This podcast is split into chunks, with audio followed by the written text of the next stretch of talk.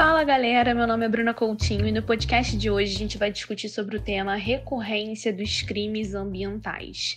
Bom, a própria frase tema já aponta pra gente dois sinais importantes a respeito desse tema.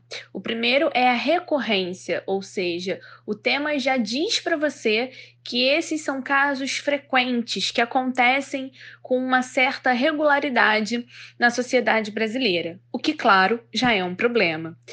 E também o termo crime ambiental não nos deixa nenhum tipo de dúvida em relação ao fato da temática estar tá abordando situações em que de fato houve algo que corrompe a nossa legislação, algo que não é considerado ético, algo que é um crime, ou seja, não poderia ser visto como um simples desastre da natureza, uma simples condição climática, ambiental, enfim. Então, essas informações nos levam a chegar né, à, à conclusão de que uma tese para esse tema seria dizer justamente que os casos que nós temos com frequência na realidade brasileira de crimes ambientais são causados principalmente por nossos argumentos, né? É claro que vocês podem ficar bastante livres aí para decidir os argumentos de vocês, até em relação ao que for discutido na aula de oficina,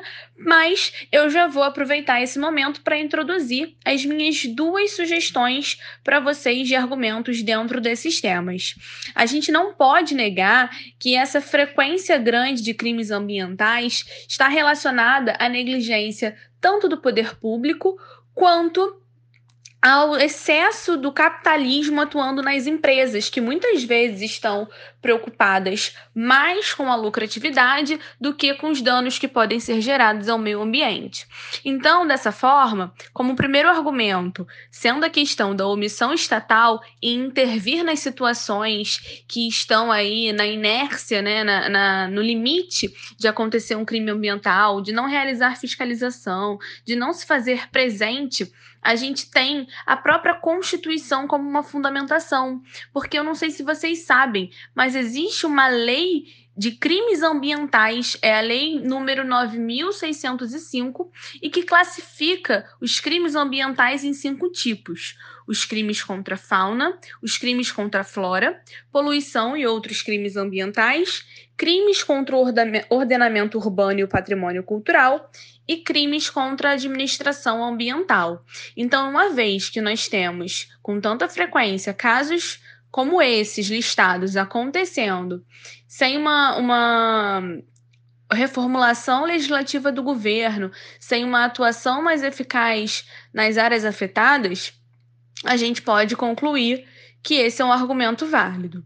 Como outra possibilidade argumentativa, como outra causa para a problemática em questão, a gente tem também a atuação das empresas. Muitas empresas, preocupadas apenas com a obtenção de lucro, acabam tendo atitudes irresponsáveis e que geram alguns desses casos de crimes ambientais.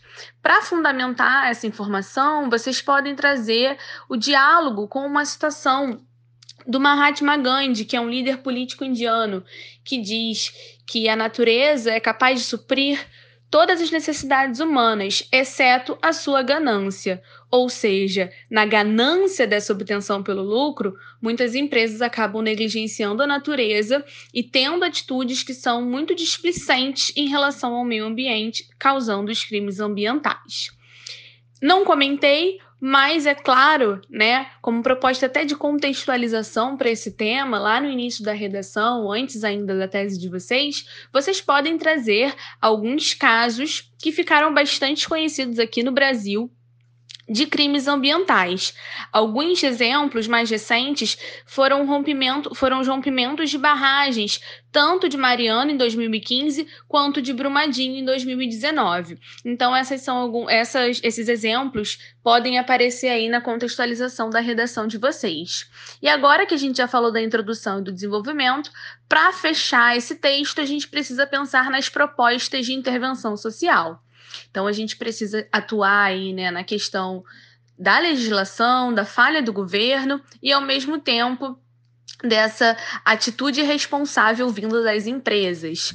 Primeiramente, em relação ao governo, a gente pode pensar em reformulações da lei por meio de emendas constitucionais ou até da criação de novas leis. Além disso, o governo pode contratar mais funcionários que estejam dedicados a atuar na própria fiscalização das empresas que trabalham em áreas é, que tenham mais chances do acontecimento de crimes ambientais, para que verifiquem se estão trabalhando dentro do que é permitido e de condições seguras. Inclusive, essa seria uma proposta interessante porque vocês conseguiriam dar conta dos dois argumentos ao mesmo tempo. Ficam aqui as minhas dicas sobre esse tema.